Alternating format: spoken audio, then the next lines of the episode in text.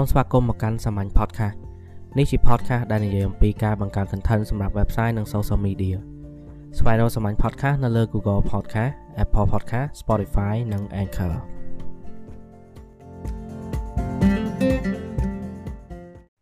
នៅក្នុង episode នេះខ្ញុំនិយាយតាក់ទងពី inbound marketing ហើយតើយមន័យរបស់ inbound marketing គឺជាអ្វីហើយឧទាហរណ៍គេខ្លះអាចដែលយើងអាចមើលឃើញដែលគេប្រើ inbound ហ្នឹង ចឹង inbound marketing មិនមែនជាវិធីសាស្ត្រដើម្បីធ្វើ marketing ទេវាជាផ្នត់គំនិតនៅនៅក្នុងការធ្វើ marketing វាជា methodology បើសិនយើងនិយាយជាអង់គ្លេស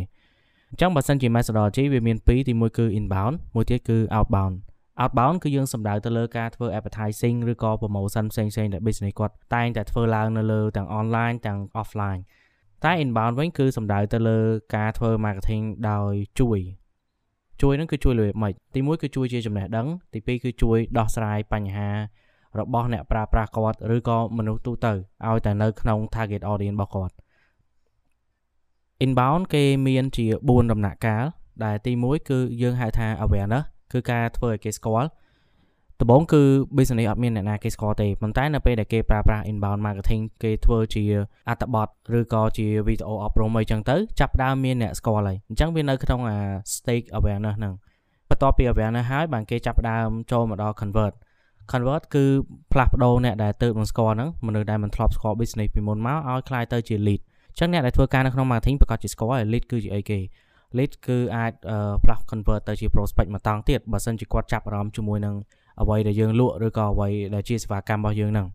ទី2គឺ convert ទី3គឺ close close គឺនៅពេលដែលអ្នកប្រើប្រាស់ហ្នឹងសម្រាប់ចិត្តថាទិញផលិតផលរបស់យើងឬប្រើប្រាស់សេវាកម្មរបស់យើងចុងក្រោយគេគឺ delay delay នេះវាតាក់ទងជាមួយនឹង customer service ទៅទៀតព្រោះនៅពេលដែលគេប្រើប្រាស់ផលិតផលហើយបើសិនជា គេទិញមកយើងហើយយើងថាវាចប់ត្រឹមប៉ុណ្្នឹងហើយយើងផ្ដាច់ទំនាក់ទំនងជាមួយអ្នកប្រើប្រាស់ត្រឹមប៉ុណ្្នឹងគឺបានន័យថាថ្ងៃក្រោយទៅយើងអាចលក់បន្តទៀតបានហើយយើងក៏អាចធ្វើ marketing បន្តទៀតបានដែរ ចឹងអាកន្លែង delay ហ្នឹង delay ហ្នឹងបានន័យថាទោះបីជាគេទិញហើយក៏ដោយទោះបីជាគេ pay លុយយើងហើយក៏ដោយក៏យើងនៅតែព្យាយាមប្រើប្រាស់ inbound marketing របស់យើងពីមុនហ្នឹងគឺយើងអាចសរសេរជាអត្ថបទឬក៏វីដេអូដែលតាក់ទងជាមួយនឹងការប្រើប្រាស់ផលិតផលឬស្វែងយល់បន្ថែមពីសេវាកម្មរបស់យើងផ្ញើទៅកាន់អតិថិជនរបស់យើងដើម្បីងាយស្រួលទៅក្នុងការធ្វើ marketing ម្ដងទៀត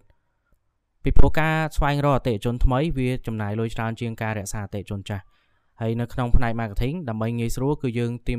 យើងធ្វើយ៉ាងណាឲ្យអតិថិជនចាស់ចំណាយលុយថែមទៀតមកលើយើងមិនមែនយើងព្យាយាមចំណាយលុយទៅស្វែងរកអតិថិជនថ្មីទេអញ្ចឹងវាមាន4ចំណុចហ្នឹង awareness convert close ហើយជាមួយនឹង delay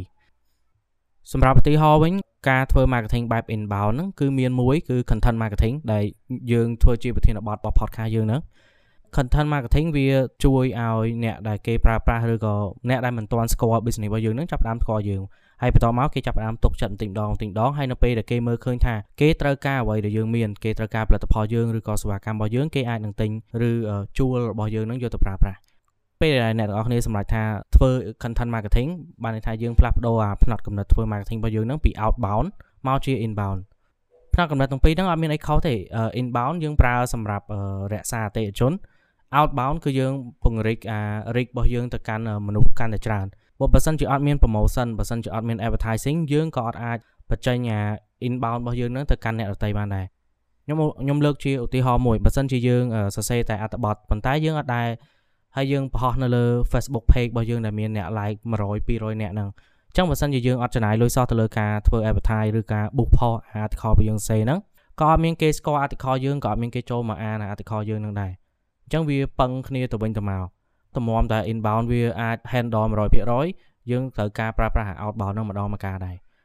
មិនមែនប្រើរហូតទេព្រោះបើសិនជាយើងប្រើរហូតបានថាការធ្វើ marketing របស់យើងពឹងផ្អែកទាំងស្រុងទៅលើការចំណាយអត់ពឹងទៅលើការទាញអតិថិជនឲ្យចូលមកទេអញ្ចឹងបើសិនជាអ្នកនរគ្នាចង់ស្វែងយល់បន្ថែមពី inbound marketing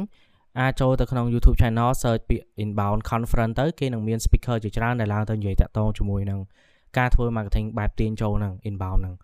ហើយបើសិនជាចង់បាន result អាចចូលទៅមើល HubSpot ព្រោះ HubSpot គឺជាអាចយើងអាចនិយាយថាជាមេកំណត់នៅក្នុង inbound marketing ហ្នឹងព្រោះគ្រប់យ៉ាងដែល HubSpot ធ្វើគឺជា inbound អញ្ចឹងអ្នកនរគ្នាអាច follow academy របស់ HubSpot ហ្នឹងឬក៏ចូលរៀនទៅព្រោះ online course របស់ HubSpot free ច្រើនហើយគេផ្ដល់ជា certificate ឲ្យយើងដើម្បីផុសអួតគេនៅលើ Facebook ទៀតអញ្ចឹងយើងគួរតែចំណាយពេលរៀនទៅអញ្ចឹងខ្ញុំមានតែប៉ុណ្្នឹងទេក្នុង episode នេះអ្នកនរគ្នាដែលស្ដាប់ពីមុនមកហើយអត់ទាន់បានចុច Subscribe ជួយ Subscribe ផងសម្រាប់អ្នកដែល Subscribe ហើយ បើសិនជាមានពេលអាចចូលទៅ review នៅលើ Apple Podcast ឬក៏អាច share ទៅកាន់មិត្តភ័ក្តិដែលធ្វើការនៅក្នុងផ្នែក marketing ឬគាត់ចាប់អារម្មណ៍ជាមួយនឹង content marketing ជួបគ្នានៅក្នុងអេពីសូតក្រោយអរគុណ